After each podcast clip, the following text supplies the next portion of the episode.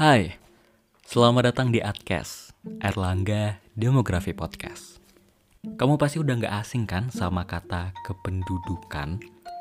Biasanya sih yang terlintas di benak kita kalau mendengar kata kependudukan itu bisa kumpulan manusia atau orang-orang yang bermukim di wilayah tertentu. Tapi sebenarnya kependudukan itu punya arti yang lebih luas lagi loh buat dipelajarin.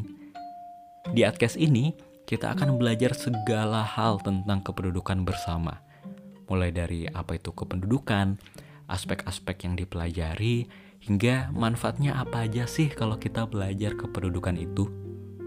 Oh iya, podcast ini dikelola oleh UKM Kependudukan Universitas Airlangga yang pastinya udah gak sabar dan siap banget buat sharing ilmu kependudukannya selama ini dengan kamu.